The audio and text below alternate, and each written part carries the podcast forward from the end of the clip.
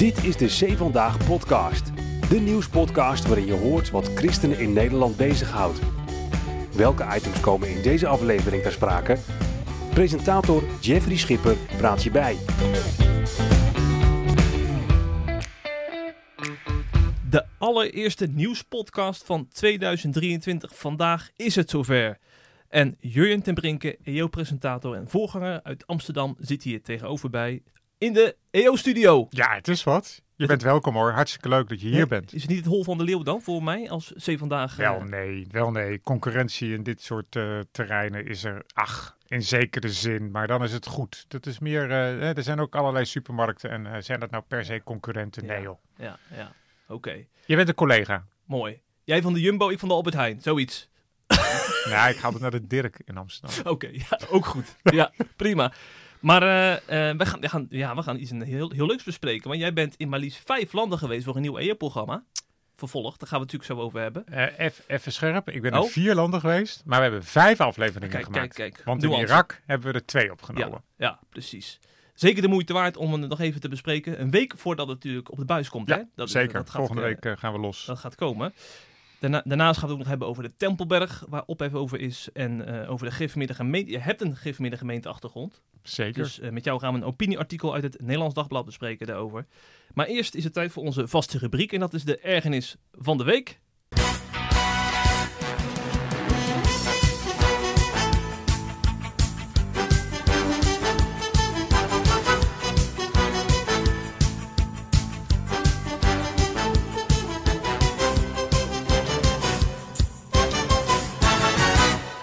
Ik heb eh, een poos geleden in mijn leven de keuze gemaakt dat ik me niet meer zo vaak ga ergeren. Want je hebt lekker is dat. jezelf ermee. Ja, ja. Maar, Eh, er kan ook iets positiefs uit een ergernis voorkomen, heb ik eh, uit deze podcast oh, geleerd. goed. Ja, dan, om, omdenken is dat. Ja, ja, ja, ja. nou, oké. Ehm, nou ja, de meest recente ergernis. ehm poeh, ergernis, ergernis, groot woord hoor, Jeffrey. Maar oké, Ehm, ik las vanmorgen in het Parool dat het in de meivakantie waarschijnlijk weer misgaat met de koffers op Schiphol. Alweer? Ja, en dan denk ik echt. En, de- en de uitleg erbij was: qua beveiliging is het goed. Daar zijn de lonen nu ook eh, toegenomen. Beveiligers, hè, dat je door de security moet en zo. En, eh, en je handbagage. Maar beneden in de afhandeling van die kelders bij die vliegtuigen gaat nog steeds niet goed. Zijn de lonen nog steeds niet goed meegestegen. En eh, nou ja. En ik, dan denk ik wel van. Ja, er wordt altijd geroepen dat dit zo'n grote, weet dat, arbeidskrachtplek is. Hè? Er, wordt heel- er gebeurt heel veel rondom onze economie. eh, al- alles rondom Schiphol. En dat je dit dan gewoon niet voor elkaar kunt maken. Dat, dat je gewoon, ja, ik weet wel, er is een personeelstekort en zo, maar het zit natuurlijk gewoon vast op geld. Want als je genoeg geld te bieden hebt, in Amsterdam stikt het van de mensen die een baantje willen en die, eh, die dicht bij Schiphol wonen. En die ook nog wel, eh, als ik zie wat er in de sportschool rondloopt, nou, die ook wel de kracht zouden hebben om, om op Schiphol te werken. Maar dat doe je dan dus niet, want het verdient te weinig. Ja, ja. Ik zag ook dat in coronatijd bijvoorbeeld is, het ook, zijn heel veel mensen die gaan zijn voor die eh, GGD-locaties gaan werken, hè, waar, je, waar je getest werd. Ja. Dan krijg je veel beter betaald. Veel beter. Ja, dan is het ook niet gek dat al die banen nou eh, tekort hebben. Nee, dus ja. nou, dat was wel een ergernisje. Vooral, het ergernisje is dan vooral dat dus mensen die heel veel verdienen, die in het beleid zitten, in de beslisbevoegdheid bij zo'n bedrijf, dit dus niet voor elkaar krijgen eh, een jaar na dato om dit te veranderen. Hmm. Ja, en dit is een mooi, eh, 2023 is een mooie kans, nieuwe jaar, om daar wat aan te doen. Beste Omdenken. heren van Schiphol. Omdenken, hè? ja, ja, ja, precies. dat bedoel ik. Ja. Ja. Het laatste nieuws uit christelijk Nederland bespreken we in de Zee Vandaag podcast.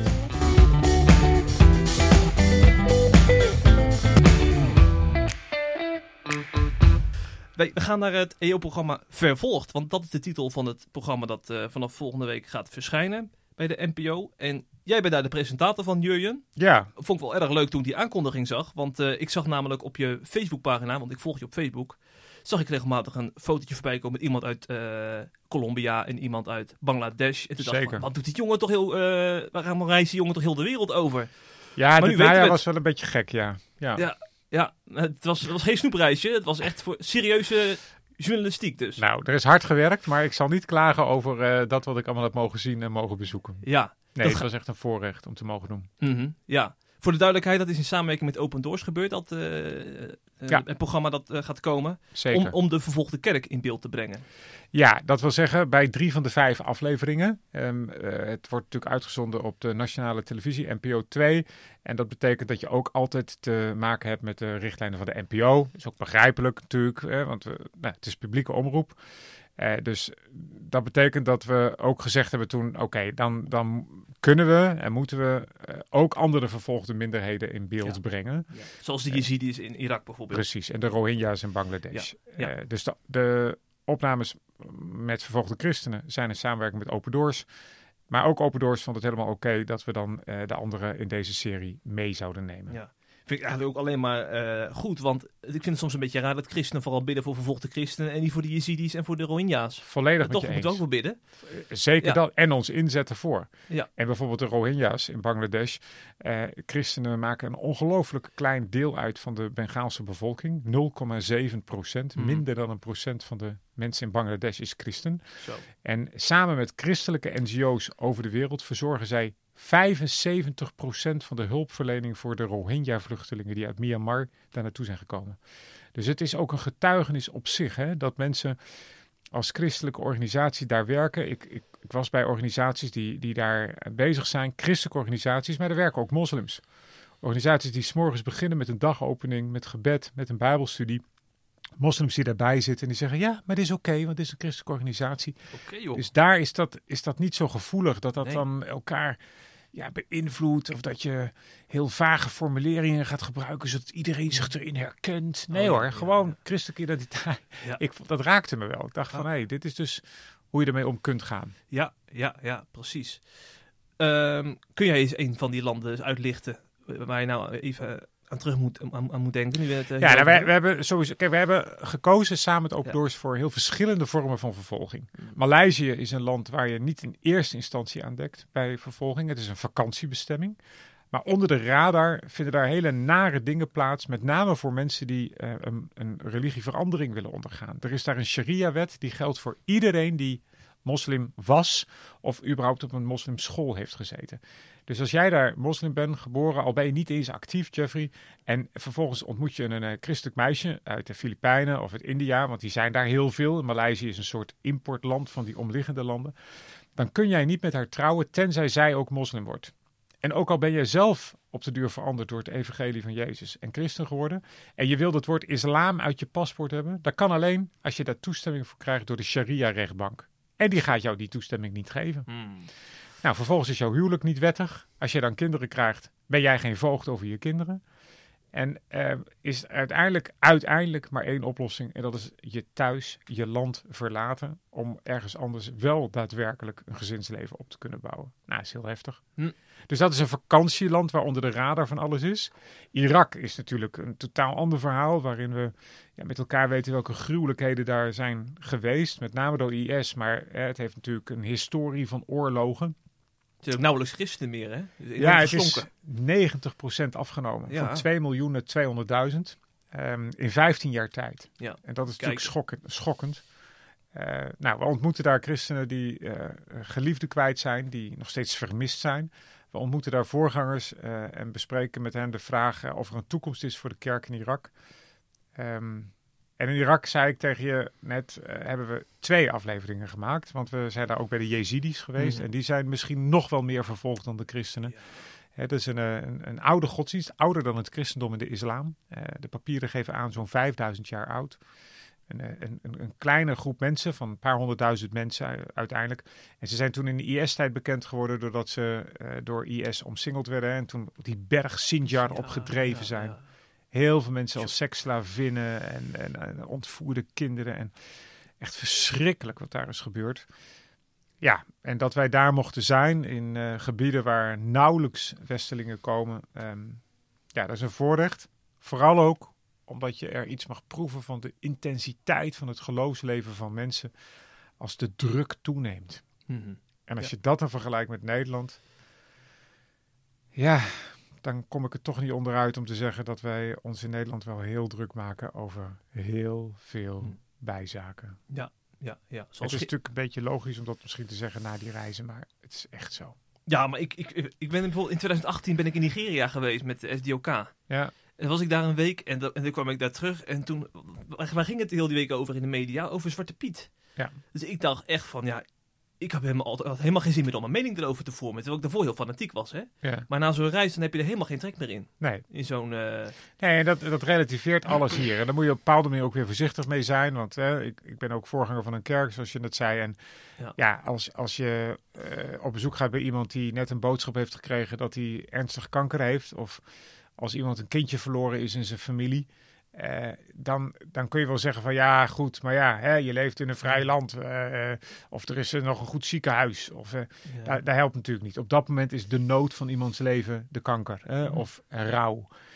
En dan moet je niet gaan vergelijken met van ja, daar is het nog erger in Irak. Nee. Maar over het algemeen, de grote linie, ja, dan kunnen we ons als christenen in dit land eigenlijk wel schamen over dat waar wij zoveel mot eh, over maken. Al is het maar de samenwerking met Open Doors. Dat weet je misschien ook wel als je bijvoorbeeld op een Open Doors dag bent geweest.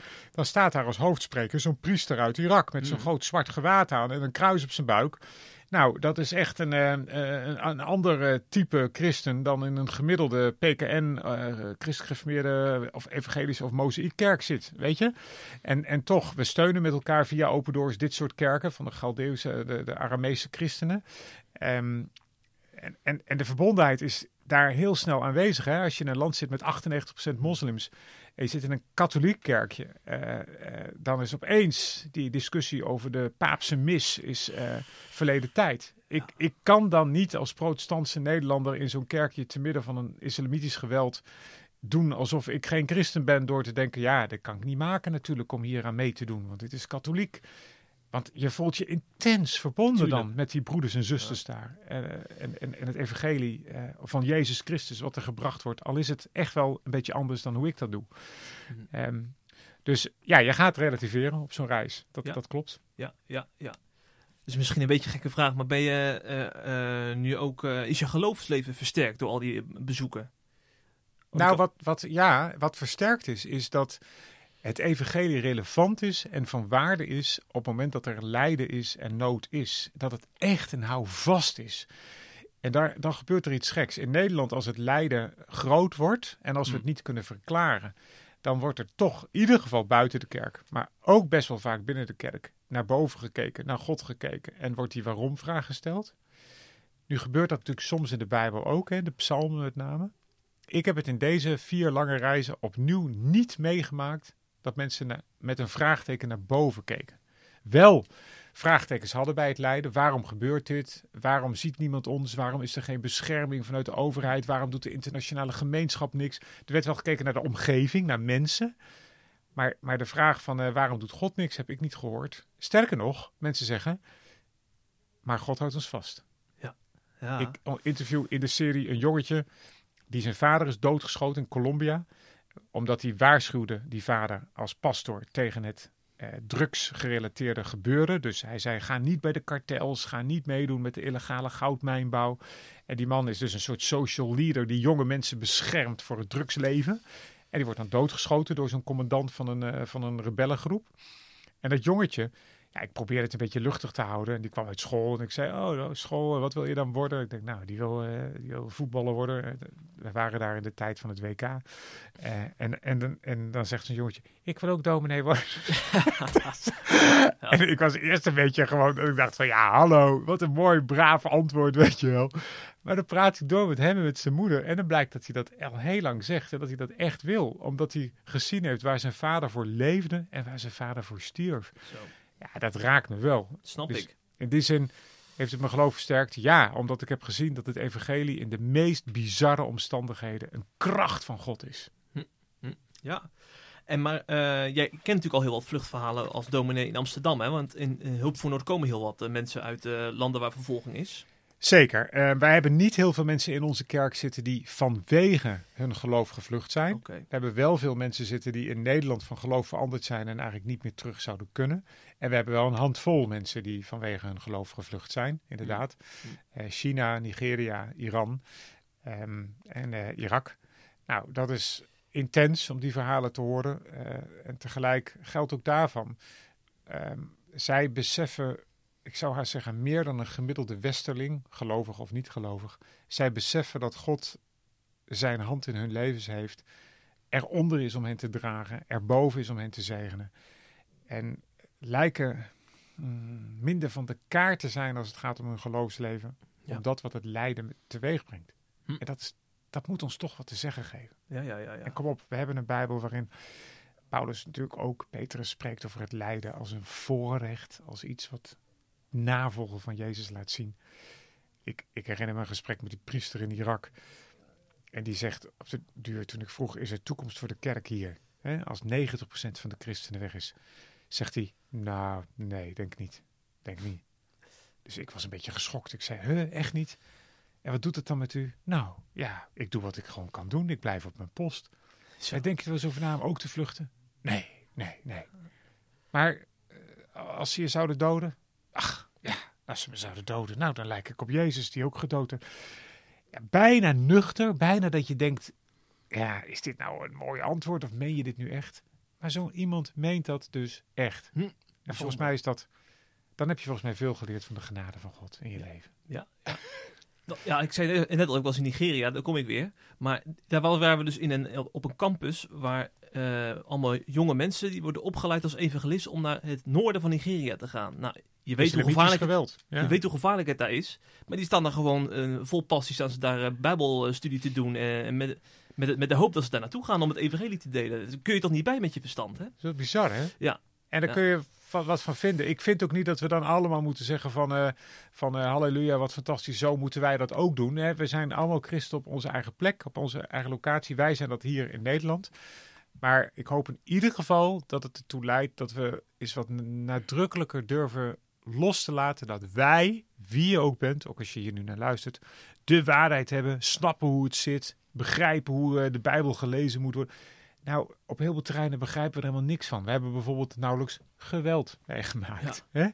En, en dan wel elkaar met woorden bestrijden of bijna afmaken in allerlei discussies, al dan niet op social media, over de waarheid. Nou, ik voel me wel thuis bij die Bijbeltekst dat je soms de hand op je mond moet leggen en stil moet zijn. En als je stil bent, dan kun je misschien ook denken aan die christenen die afgelopen kerst zijn omgekomen in Nigeria. Hè? We hebben vorige week over bericht bij C Vandaag. In de week voor kerst zijn tientallen christenen afgeslacht en ontvoerd eh, door moslim-extremisten.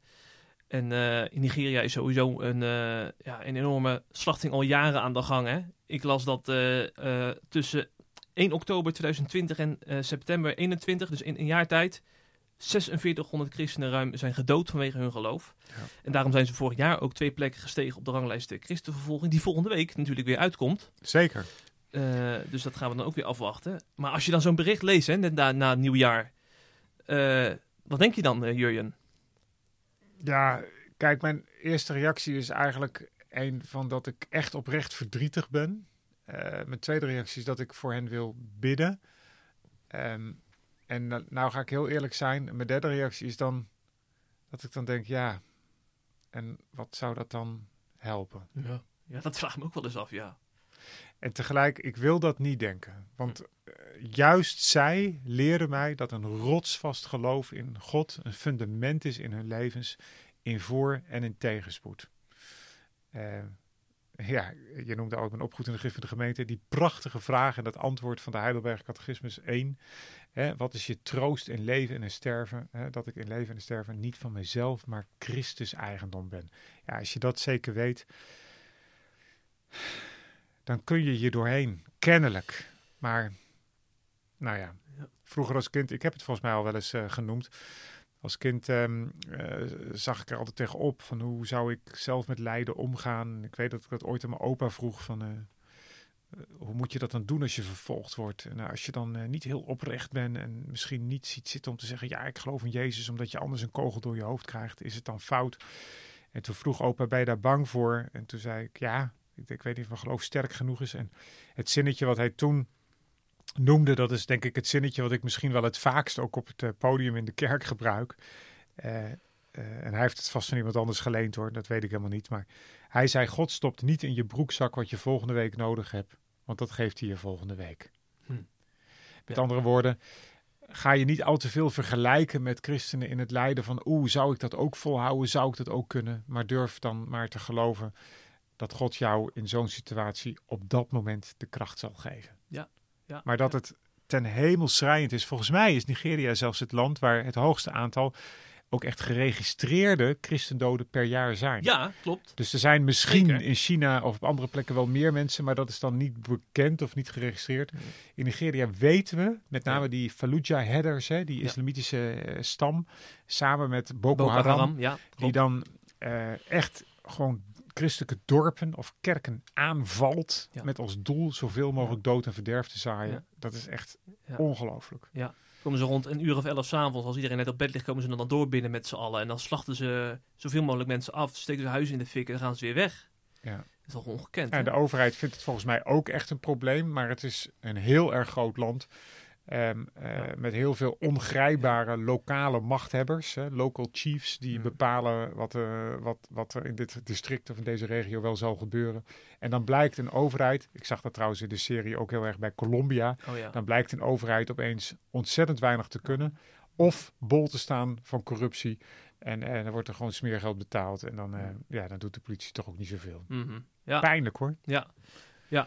Maar we gaan volgende week er waarschijnlijk meer over horen hoe het er nu eh, op de ranglijst staat met Nigeria. Zeker. Eh, want er zal waarschijnlijk allerlei verschuivingen zullen er plaatsvinden. Eh, Jij, weet misschien al meer. Ik, weet, de- ik weet iets meer, ja. Ja. Maar daar ga ik je niet van Nee, vertellen. dat snap ik. Ja, ja nou, we gaan, we gaan het wel horen. Open Doors die, is er altijd heel goed in om, eh, om die ranglijst zo breed mogelijk bekend te maken. Die zijn ook bij de NOS altijd elk jaar om, dat, Ja. om, de, uit, om de duiding over te geven. En dus ook om de vervolg te kijken. Dat is ook onder de aandacht hè, met zo'n ranglijst. Zeker. Nou ja, en wij, eh, wij zijn natuurlijk wel blij dat het eh, gelukt is om dan dit programma ook op die bewuste woensdag, Ja. 18 januari, te laten starten. Al is Ja. het dan een beetje op een eh onchristelijk tijdstip. Dat is trouwens niet met christelijk te maken, maar het is pas vijf over elf s'avonds. Dus we zullen het ook moeten hebben van mensen die op een rustig moment dat programma gewoon gaan terugkijken, omdat ze er interesse in hebben.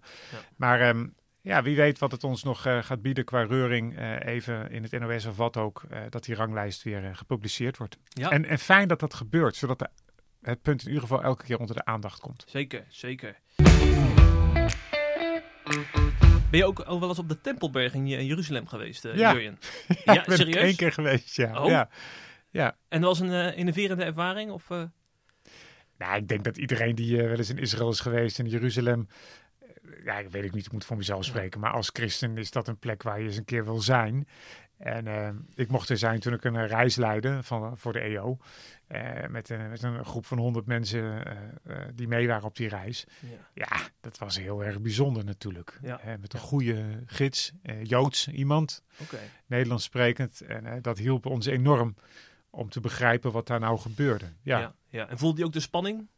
Of viel dat mee? Ik eh, was er niet tijdens een groot feest of Oh, zo, dus in die zin viel het mee. Maar wat ik wel eh, me het meest herinner is dat je dan uiteindelijk eh, op, op de vrijdag tijdens het gebed daar tussen die enorme hoeveelheid, vlak voor de Shabbat natuurlijk, hoeveelheid mensen rondloopt. Nou, op vrijdag dan met, met name mensen met moslimachtergrond en dan de vrijdagavond zaterdag de mensen die daar komen bidden, de Joodse mensen. Ja, dat je daar dan als man hè, eh, dat plein op mag tussen al die biddende Joden met die Hm. zwarte hoeden en die, eh, en die gekrulde eh, haren. Ja, terwijl de vrouwen van de groep achter moesten blijven en daar niet naar binnen mochten. Dat is een, dat is een heel bijzonder moment. Ja, zeker. Ja. Ja. Ja, Ja. De Tempelberg is dus weer in het nieuws. Hè? Het heeft alles te maken met die meest rechtse regering ooit in de geschiedenis die Israël Zeker. gekend heeft. En, nog, en de meest rechtse minister die daar Nou. dan vorige week ging bidden, toch? Ja, ja die ging die, eh, ik dacht dat hij 13 minuten op de Tempelberg was, inderdaad. Op 13 me- En eh, dat, dat, ja, dat ligt heel gevoelig. Dat mag natuurlijk niet zomaar. Nee. Hij is dan inderdaad, hebben het over de minister van Nationale Veiligheid, Itamar Ben-Gvir. En dat is nogal een radicale. En eh, ja, eh, officieel mogen Joden natuurlijk helemaal niet eh, bidden op de, op Tempelberg. nee. En hij wil daar verandering in brengen. Dat is wel een van zijn doelstellingen de komende tijd. En dat, gaat, dus het ligt natuurlijk heel gevoelig. Dus allerlei landen hebben het ook al zijn bezoek veroordeeld. Saoedi-Arabië, de Verenigde Arabische Emiraten, de Palestijnen. Zelfs de Verenigde Staten waren niet enthousiast. En dan weet je zeker dat het toch wel een omstreden bezoek was. Waar- waarom hebben we het eigenlijk hierover? We zijn natuurlijk geen, geen geopolitieke podcast hè, met Ar- Arend Jan Boekenstein. Maar het heeft natuurlijk ook een geestelijke lading waar we het hier over hebben. Ja. Roger van Oort, voormalig eh, directeur van Christen voor Israël, schreef namelijk in een opinieartikel dat dit eh, alles te maken heeft met de God van Israël, eh, de ophef die er nu over is. En dat, er, dat dit laat zien dat er echt wat aan de hand is in de geestelijke wereld. Hij schrijft: De God van Israël ontfermt zich over zijn volk en zijn tegenstanders maken zich op voor de strijd. De boze en zijn trawanten zijn zich ervan bewust dat ze nog maar weinig tijd hebben om, te, om de plannen van God, van de God van Israël te dwarsbomen. En dit is volgens hem een uiting daarvan, hè, dat dan over zo'n Jood op de Tempelberg daar moeilijk over gedaan wordt. Dat er Ja. die geestelijke strijd gaande is. Eh, Is, is wel een. eh, ja, Ik ligt, zit te wachten op je vraag. Ja. Want, want jij vindt kennelijk... Misschien vind je dat ik er wat van moet vinden. nou, ik, ik ben gewoon heel erg benieuwd of, of jij dit. Of, je, of er dan sprake is van inlegkunde als we hier een geestelijke strijd van maken. Kijk, naar mijn mening is er altijd sprake van geestelijke strijd als het gaat om Israël en om Mm. Jeruzalem. Ehm, eh, niet voor niks worden we opgeroepen in de Bijbel om te bidden om de vrede voor Jeruzalem. En eh, zodra je dat doet, ook in de kerk, eh, is er reuring. Ik, ik merkte dat toen ik ooit meedeed aan een, aan een zondag voor Israël. hoe heet dat? Israël zondag. Ja, in oktober is het altijd. En ik, ja. heb daar, ik had daar niet goed over nagedacht dat wij zoveel ex-moslims in de kerk hadden. Oh ja. En die, wij- dat zijn allemaal geen mensen die tegen Joden zijn. Nee. Maar als je altijd in Iran geleerd hebt dat de Sionisten, nou ja, Ja. eh, vul maar in. Mhm. Dan is het best apart dat je in een kerk komt en dat er dan opeens een heel pro-Israël verhaal verteld wordt. Als je dat daar niet goed in meegenomen bent. Hè? Als, als, als niet eerst allerlei tegenargumenten die jij als Iraans jongen of meisje hebt. Nou, eh, dus er is altijd sprake volgens mij van geestelijke strijd. Ik, ik las dit artikel en toen dacht ik wel van ja, ja, de volken, de volken doen, weten dat ze nog weinig tijd hebben om de God van Israël te stoppen of, of iets in die trant.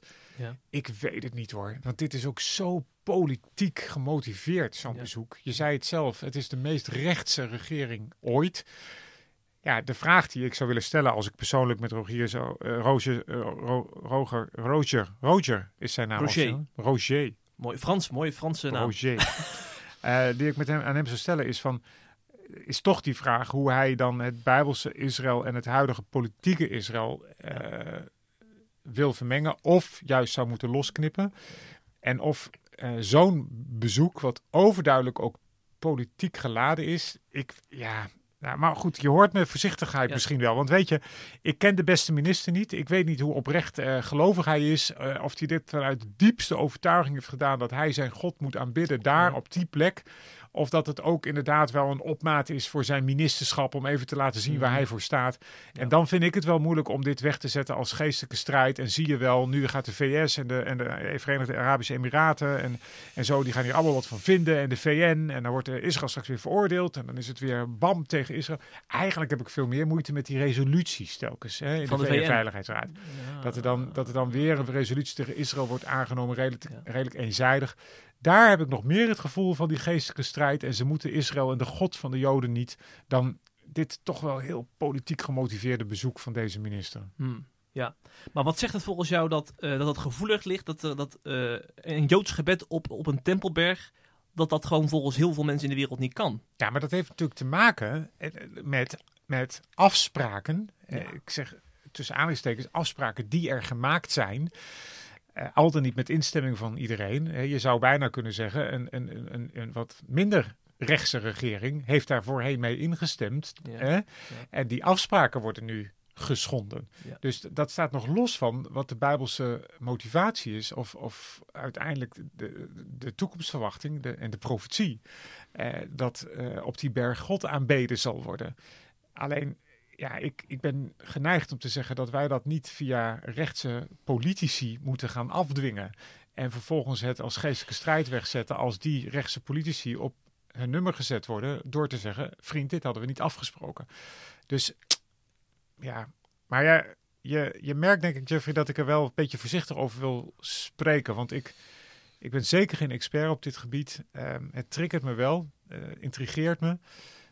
Maar dit is nou typisch een onderwerp waar we volgens mij als christenen moeten oppassen om al te grote woorden te gebruiken. Ja, ja, ja, ja, dat geloof ik ook. en Roger die zal daar, eh, nou, die heeft er sowieso meer verstand van dan ik. Dus, dus als hij dit zo meent te moeten omschrijven, dan eh, zal ik niet zeggen van dat heb je fout.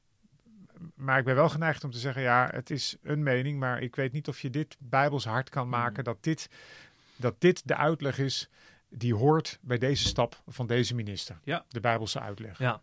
In ieder geval heel spannend de komende jaren om eh, Zeker. te gaan volgen. Want eh, eh, dit, dit is natuurlijk zo'n belangrijke wissel die er is gezet in, Israëlische politiek. Dat gaat veel consequenties hebben. Ja, maar wat, hoe kijk jij ernaar? Wil je dat zeggen? Hoe ik daarnaar kijk. Ja? Ik, ik merk dat ik niet heel blij word van zo'n rechtse regering. Maar is dit dan al, ben ik dan al te veel beïnvloed als ik dat zo zeg? Nou, ik zie wel heel erg dat we in een tijdperk leven van eh, eh, zeg maar de, de, de rechtse nationalisten die aan de macht eh, komen. Hè. We hebben Trump gehad, we hebben Bolsonaro gehad. En we, zien, nou, ook- we hebben nu ook de vruchten gezien hè, met, met die kapitoolbestorming. En Ja. recent ook in eh Brazilië. Brasilia, die, bes- Ja. die bestorming. Dus ik, ik ben wel nu heel erg geneigd om te zeggen van... eh, eh, even even wat, wat tijd voor wat links, een ruk naar links of zo, weet je wel? Van eh, terug naar het midden. Ik merk, Ja. ik merk dat we erg eh, aan het eh, polariseren zijn. Ja, nou, dat herken ik in die Ja. zin. Dat ik gewoon ook wel geloof in dat midden. En in coronatijd ging het vaak over het midden. En toen was er ooit een prachtig artikel in het Dagblad... dat je niet eh, onderdeel wilde zijn van het grijze midden... maar van het kleurrijke midden. Oh ja, dat mooi. echt prachtig. Want, Ja. toen, want toen Ja. herkende ik me daar heel erg in. Ik wil niet in die polen zitten. Ja. In, die, in die uiterste. Maar ik wil ook geen grijze muis zijn. Nee, dus precies. ik wil in het kleurrijke midden zitten. En, maar in die tijd was dat ook. Hè, met Trump, eh, die, had natuurlijk, die had natuurlijk die stap gezet van de ambassade. En toen Oh, ja. waren er ook eh, opeens Ja. eh, christenen die zagen dat ook als Ja. vervulling van van alles. De ambassade ambassade van- Tel Aviv naar. Jeruzalem. Juist. En dat, ik weet dat ik toen ook dacht van ja, ik weet het niet hoor. Is, is dit nou invulling van bijbelse profetieën? Dat, dat Jeruzalem weer echt de hoofdstad wordt van de Mhm. Joden. Maar moeten wij dan God daar zo'n handje bij helpen? En is God daar dan zo afhankelijk van het gedrag van stemmers, van kiezers, die dan rechts kiezen of Trump kiezen of weet ik veel wat. En dan komt het goed. Ik, ik eh, nee, ik, ik voel me daar niet, niet bij op mijn gemak om Nee. zo de Bijbel uit te leggen. Nee, nee, snap ik. Snap ik helemaal. Eh, je voelt je natuurlijk wel op je gemak als we het over de gif in de gemeente gaan hebben. Hè? Want is, dat- jij komt er vandaan. Ja, zeker. En ik hou er ook wel van eigenlijk, want ik ben er tot geloof gekomen. Oh, serieus? Zeker. Oh, mag, ik, mag ik vragen of het er echt onder, echt onder een preek was dan ook eh, in een kerkdienst? Oh, kijk, dus jij vindt dat het tot geloof komen op een bepaalde manier eigenlijk hoort tijdens een preek. Nee, het was op een bijbelstudieweekend van een eh, interkerkelijke club waar je misschien als gergemmer helemaal niet naartoe mocht. Maar ik zat in ja. de gergem toen. Ja, ja, ja. En, ik, en ik, eh, het voorwerk is in, met name mijn gezin eh, heeft dat plaatsgevonden. Mhm. Eh, maar ook in de kerk, waar ik 27 jaar gezeten heb, waar ik beleidenis heb gedaan, waar Ja. ik aan het avond nog ga, waar ik getrouwd ben, Mhm. waar mijn oudste kinderen gedoopt zijn. Ehm, Ja. We gaan het hebben over de gereformeerde gemeente, omdat daar een boeiend opinieartikel over is verschenen in het Nederlands Dagblad van eh, Martin Visser, PKN-predikant. Ja. En hij heeft voor de gereformeerde gemeente opgenomen. Volgens mij hebben heel veel mensen een haat-liefdeverhouding met de gereformeerde gemeente. en hij dacht, ik ga het eens even voor ze opnemen, want de katholieke kerk die verliest kerkgangers, de PKN verliest kerkgangers, de GKV gaat achteruit. En wie blijft er stabiel? De GERGEM. Is inmiddels eh, groter dan de, volgens hem, dan de katholieken en de GKV. Met Mhm. eh, ruim 100.000 eh, leden. ja, als eh, het gaat om kerkgangers, hè? Ja, de zeker. katholieke kerk is natuurlijk veel groter, maar ja, Ja. dat, dat, Ja, zijn zeker. geen actieve Nee, kerkgangers. ze hebben grote kaartenbak, zeg Ja. maar. eh, ja, de, ja, klopt. Eh, ze zijn, eh, de GGM is nu na de PKN eh, de grootste protestantse kerk in Nederland. Ja. En hij, is- die Martin Visser stelt dan, ja, dan, dan is het wel heel makkelijk om te zeggen van in de GGM is het altijd zo moeilijk om tot geloof te komen en zo. Eh, eh, ze dan blijkbaar eh, doen ze ook iets goeds. Zeker. Hij zegt namelijk, krimp is in ieder geval een aanwijzing voor geestelijke ziekte.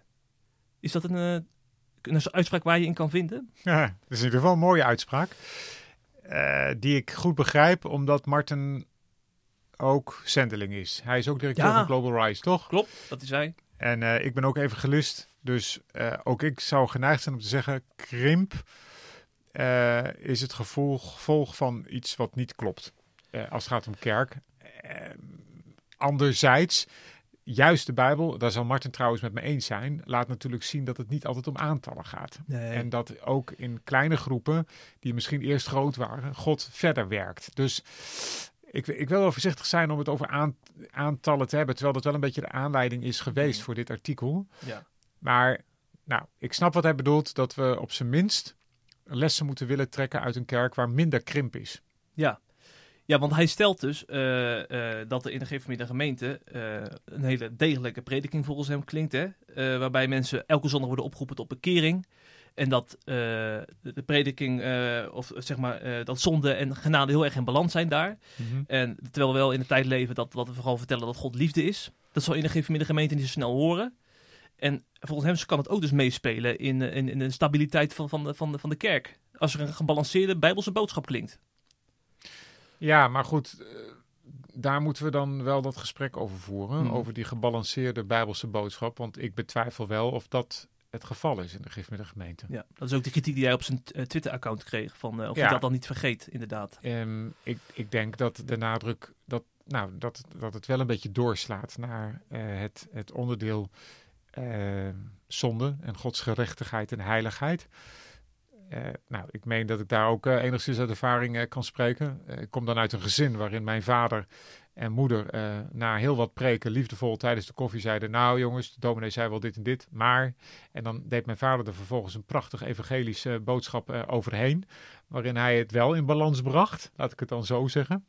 Ik denk ook dat niemand kan zeggen dat je in de gergem niet tot geloof zou kunnen komen of zo... omdat het, omdat het maar een half verhaal zou zijn... Eh, in de Bijbel wordt op de duur gesproken over dat, God soms dat het evangelie soms gepredikt wordt onder een dekmantel, onder een deken. eh, enigszins eh, wazig, ehm, mistig. En dat, ja, dat, daar heb ik wel vaak het gevoel bij, ja, in de gif van de gemeente. Hm. Hm. Ik ben zelf blij dat ik daar niet meer deel van uitmaak met mijn kinderen. Maar eh, ik zie de gif van de gemeente als een plek waar ongelooflijk veel potentieel vandaan komt. Veel mensen die in andere kerkverbanden uiteindelijk ook leidinggevende posities innemen in kerkraden, maar ook predikanten, evangelisten, kerkplanters, zendelingen, mensen die in politiek actief zijn, eh, ook in de mediawereld actief zijn, hebben hun roots in de gif van de gemeente. En dat is op zijn minst tekenend. Ja. Dat, Nou je, ja. da- dat, je daar dus, dat je daar dus een stevige opvoeding krijgt, die zwart-wit is als het gaat om het evangelie, Ja. zonde en genade inderdaad. Eh, dat je daar niet zo snel eh, jezelf een kind van God noemt. Dat je wel het nodige moet hebben meegemaakt voordat je daar terecht komt. Laat ik het maar eventjes proberen voorzichtig te formuleren. En het gevolg ervan is dat het vaak mensen zijn die redelijk, als ze de oogkleppen af zijn gegaan, hè, of af zijn, en ze zitten nog in de gergem, er ook ruimte is om breder te kijken, dat het dan vaak heel stabiele gelovigen zijn. Mhm. Even een anekdote. Ik heb bij Stichting Gaven gewerkt voordat Oh ja. ik naar Amsterdam ging. En daar zette ik interkerkelijke werkgroepen op. Bijvoorbeeld eh, in Deventer of in Apeldoorn als daar een AZC kwam. En de Gergem deed daar nooit aan mee, want eh, die waren niet voor interkerkelijk samenwerken. Maar vaak deden er dan wel mensen mee op persoonlijke titel. En die zaten dan in de gif met de gemeente. En dan deden ze toch met zo'n werkgroep mee. Hè? Met zo'n cursus die ik dan gaf over werken met vluchtelingen. En, en uiteindelijk, dit is een beetje gechargeerd wat ik nu zeg, maar uiteindelijk de mensen uit de met de kerk vrijgemaakt. En de met de gemeente, dat waren mijn prettigste mensen in zo'n werkgroep. Niet toevallig, dit is twintig jaar geleden, mensen uit kerken waar geleerd werd dat zij ongeveer de ware kerk waren. Dat geldt Ja. namelijk voor de vrijgemaakte kerk en voor Mm. de gergem in die tijd. Mhm.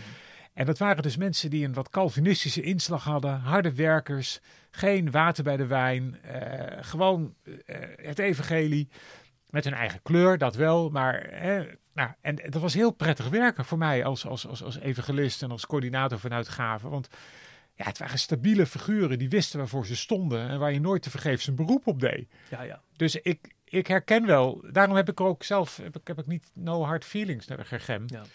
Maar ik denk dat er ook echt wel, en nou, ik spreek ook veel mensen uit deze kringen en heb goede vrienden in de Gifmiddag gemeente, ook goede vrienden die ambtsdrager zijn in de Gifmiddag gemeente. En zij uiten ook hun zorgen Ja. over, Of de record natuurlijk, hè? ja, maar dan, ja, ja terecht. Ja, het ligt gevoelig allemaal. Ja, dat is het. Maar zij uiten dan hun zorgen over van, is er niet veel schil? Eh, is er niet veel buitenkant? Je leest dat vaak ook trouwens in de krant. In het ND en het RD, als dominees uit de Gergem geïnterviewd worden, wordt er heel vaak gezegd van, van eh, ja, hoeveel in, innerlijk geloofsleven is er nu eigenlijk? Dus eigenlijk zijn ze zichzelf dat ook bewust. Maar ja, er, er ligt van jongs af aan zo'n druk op dat dat de plek is dat, waar de Heer je geplaatst heeft. En dat je, ja, hoe je het in je hoofd durft te halen om daar afstand van te nemen. Toen ik beleidenis deed, hadden wij als een groep vrienden een aantal van hen is nu ook predikant. hè. Ewout van Olst, Ewout van der Noord, Anne van Olst, eh Laurens-Jan Vogelaar, weet ik het. Mijn broertje Jonathan te Brinken. Die komen allemaal daaruit. En dan hadden wij discussies bij beleidenis doen. En dan zei de kerkraad, nee, je doet beleidenis van de leer van de kerk. En wij zeiden, nee, we doen beleidenis van ons geloof. En wij wilden na onze beleidenis ook aan het avondmaal. En de broeders van de kerkraad zeiden, oh nou, dat, dat is geen automatisme hè, van beleidenis en avondmaal. En wij zeiden, jawel, als je geloof beleidt, dan hoor je ook het avondmaal. Dus die discussie, die hangt altijd boven de markt. En ook dat je dan geplaatst bent in de gergem en dat je, dat je, dat je eigenlijk een zonde begaat als je daar weggaat. Hm, hm. Nou, dat is een van de redenen waarom volgens mij sociale controle daar heel sterk is. En, en relatief veel mensen daar blijven. Ook al denken ze in het grondvlak wat anders dan dat de officiële leer is. Ja. Of ze vinden het wel best, want ja, en dit is wat negatief geformuleerd. Ja, als je niet eh verkoorden bent, ja, dan kom je er toch niet. En als je wel verkoorden bent, dan kom je er wel. En ehm, Ja, ik, ik, ik stond Ja. een keer in een kroeg. En er waren ook geen gemmers in die kroeg. En die, die zei tegen mij van, ja, als jij nou echt bekeerd was, Jeffrey Schipper, dan stond jij hier niet. Maar wij weten dat we niet bekeerd zijn, dus wij staan hier gewoon lekker... eh Ja. Nou ja, we wachten het wel af. Maar dat is natuurlijk wel bizar. Dat is Ja. hopelijk een uitzondering, maar ik, eh, ik ken deze verhalen en het is wel pijnlijk dat dit zo gebeurt. Ja. Dus ik, Ja. ik, wil, ik zou zelf eh, het artikel van Marten Visser denk ik anders... Ik zou het zelf anders geschreven hebben. Ik vind Hm. het iets te positief. Wat ik wel leuk vond in het artikel trouwens, dat hij, het, dat hij op de duur ook een bijzin had van eh, dat voor kerk als mozaïek hetzelfde gold. Ja, Dus dat eh, vanuit de gevestigde kerken misschien gemakkelijk kritiek is op Mhm. snelgroeiend mozaïek ja. of stabiel blijvend gergem.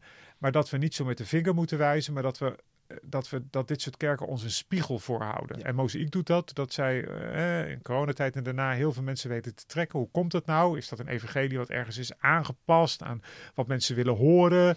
Nou, de gegem die heeft geen evangelie wat aangepast is aan wat mensen willen horen en die blijven stabiel.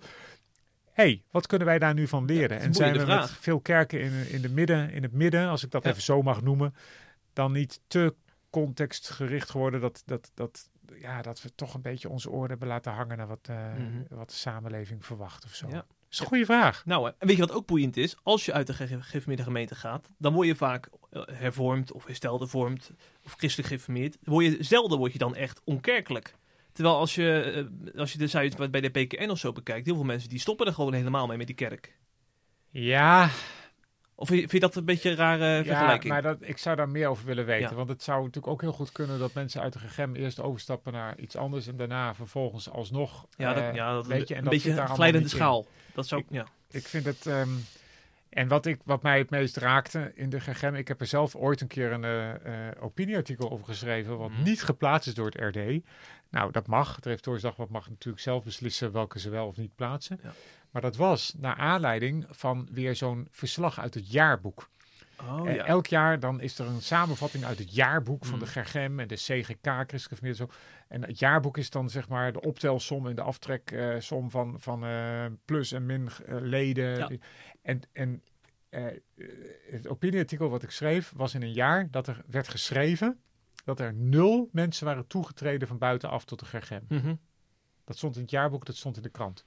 En vervolgens werd er ook geschreven over zes of 700 mensen die dan hervormd waren geworden, of, of, of duizend, ik weet de aantallen niet meer. Mhm. En er werd een interviewtje gegeven in het Reformatorisch Dagblad met de redacteur van het jaarboek. En die zei dat het toch wel verdrietig was. Dat al die honderden mensen nu naar een andere kerk waren gegaan. En er werd niets gezegd Nou ja. over dat er nul mensen uit de wereld bij de kerk waren gekomen. En dat vond ik, toen dacht ik, ja jongens, we leggen hier echt, echt, echt een verkeerde focus. Mhm. En Marten Visser noemde dit ook. Die zei ook, volgens mij ging het nu om vier mensen. Op al die gergem samen, vier mensen erbij. Ja, dat kan niet. Dat betekent dat de meeste kerken nooit iemand uit de wereld erbij krijgen. Ja, dat is heel, dat is heel intens. Ja. En wat mij betreft is de conclusie dat de gifmiddel gemeente heel slecht is in het binnenhalen van vis. Ze zijn wel goed in vissen. Evangelisatiewerk doen ze op allerlei Mhm. manieren. Ik heb het zelf in de Gergem gedaan. En Ja. uiteindelijk hebben de ouderlingen tegen mij gezegd... Ik weet niet of ik dit in een podcast moet zeggen. maar ze hebben ook gezegd, we zetten het niet op papier... want we voelen zelf aan dat dat niet kan. Ze hebben tegen mij gezegd... Jurjen, als er weer mensen tot geloof komen... dan vinden we het niet erg als je ze naar een andere kerk stuurt om daar gedoopt te worden. Oh ja, oh ja. En ik weet dat ik daar toen heel verdrietig over was, maar dat ik ook gezegd heb tegen die broeders ouderlingen, wat eerlijk. Ja, wat eerlijk dat je dit ziet. Nou, dat is Dus het. de Gergem is een kweekvijver van potentieel, Hmm. wat breed in christelijk Nederland en daarbuiten ingezet kan worden. Maar als het gaat om echt mensen bij Jezus brengen, Mhm. vanuit de wereld, en van- vanuit de gezinnen kunnen ze het heel goed, maar vanuit de wereld zijn ze erg slecht toe in staat. Ja. Nou ja, misschien moeten we dan gewoon constateren, het lichaam van Christus bestaat uit allerlei soorten kerken. Gelukkig heb je en Gergems en christelijk geformeerden en mo- mozaïeks en eh, weet ik maar wat. En met elkaar vormen we de kerk van Christus en hebben we elkaar nodig. En dan is het cirkeltje rond. Ik zal je een handje helpen. En dan, eh, dan is het cirkeltje rond. En dan bedoel ik, we hebben elkaar nodig. Dus laten we elkaar vooral niet te veel veroordelen. Maar in onze waarde laten en proberen te leren van die ander. Weet je wat je zou kunnen doen, Jurjen? Wat je nou net hebt gezegd, even samenvatten in een opinieartikel en daarna C vandaag sturen. Dat zou je kunnen doen. Nee joh, ben je gek. Ik heb daar geen tijd voor. Geen tijd, ja. Nou, de uitsmijter van de week dan maar. Want we hebben niet alleen de ergernis van de week sinds kort, maar ook de uitsmijter. Want we vinden, we moeten ook wel hoopvol positief eindigen. En Ja. jij hebt een heel hoopvol bericht, heb ik me laten vertellen.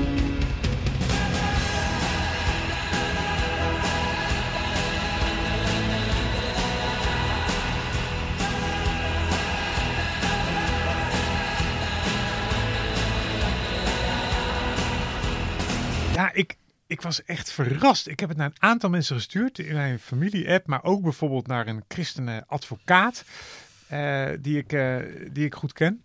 Vorige week, van de week van het weekend, was er een bericht, zaterdag. Jonge Rotterdamse criminelen nemen afscheid van een geliefde jeugdofficier. En, en dan werd er vervolgens gezegd, er gebeurt niet vaak dat in de rechtszaal bij het overlijden van een officier van justitie, even voor de helderheid, dat is iemand die dus bepaalt hoe lang jij de baaiers ingaat, zoveel emoties loskomen als van de week in Rotterdam.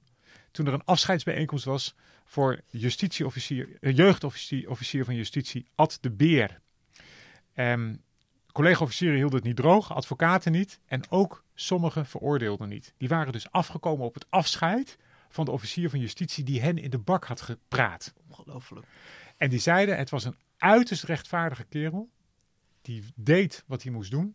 Hè, er werd een crimineel, eh, ex-crimineel werd er geciteerd. Die zei, hij heeft mij de gevangenis ingeholpen. Twee jaar lang heb ik gezeten. En toen er de vraag was of ik eruit kon komen, zeiden mijn behandelaars, het kan niet. Maar toen heeft hij er ook voor gezorgd dat ik er weer uitkwam. Want hij zag dat ik het goed deed. En hij wenste mij veel succes en een fijn leven. En het raakte mij dat het dus mogelijk is om rechtvaardig mens te zijn die zo liefdevol is dat mensen respect en bewondering voor je hebben. En daarna dacht ik, zou de man christen zijn geweest? Ik weet het niet. Maar ik dacht wel, als christen zouden we zo allemaal bekend moeten staan. Mhm. Als rechtvaardige mensen waar je bij in de buurt zou willen zijn, omdat je gekenmerkt wordt door liefde en duidelijkheid en misschien ook wel door genade. Ja. Ja, dus dat vond ik een heel mooi bericht. Ja, ik vind het ook een heel verrassend bericht. Ja. Waar lees je dit nou, man? Nou, dit was op de NOS-app, dus het is op zich heel leuk dat de NOS daar Ja. gewoon ruimte voor had. Ja, Maar ehm, eh, ja, ik, ik, het raakte me. Ik dacht, wauw, dit, is- dit is tof. ja mo- mooie afsluiting ook, eh Jurjen. Dus bedankt daarvoor. En eh, wie weet tot, eh, tot een volgende podcast. Graag gedaan. Ja, Fijn dat het er kon. zeker weten. En natuurlijk, nog even volgende week, hè? Ja, woensdagavond. 18 januari. 18 vijf- januari. vijf over 11. 5 over 11, NPO 2. En anders terug te, te, te kijken, NPO Start. Of natuurlijk eo.nl slash vervolgd. Ja, we gaan kijken, Jurjen. Bedankt. Het goede. En beste, dag Doei. luisteraars. Hopelijk heb je genoten van deze C Vandaag podcast. Volgende week is er weer een nieuwe aflevering. En blijf via cvandaag.nl op de hoogte van het laatste nieuws uit christelijk Nederland.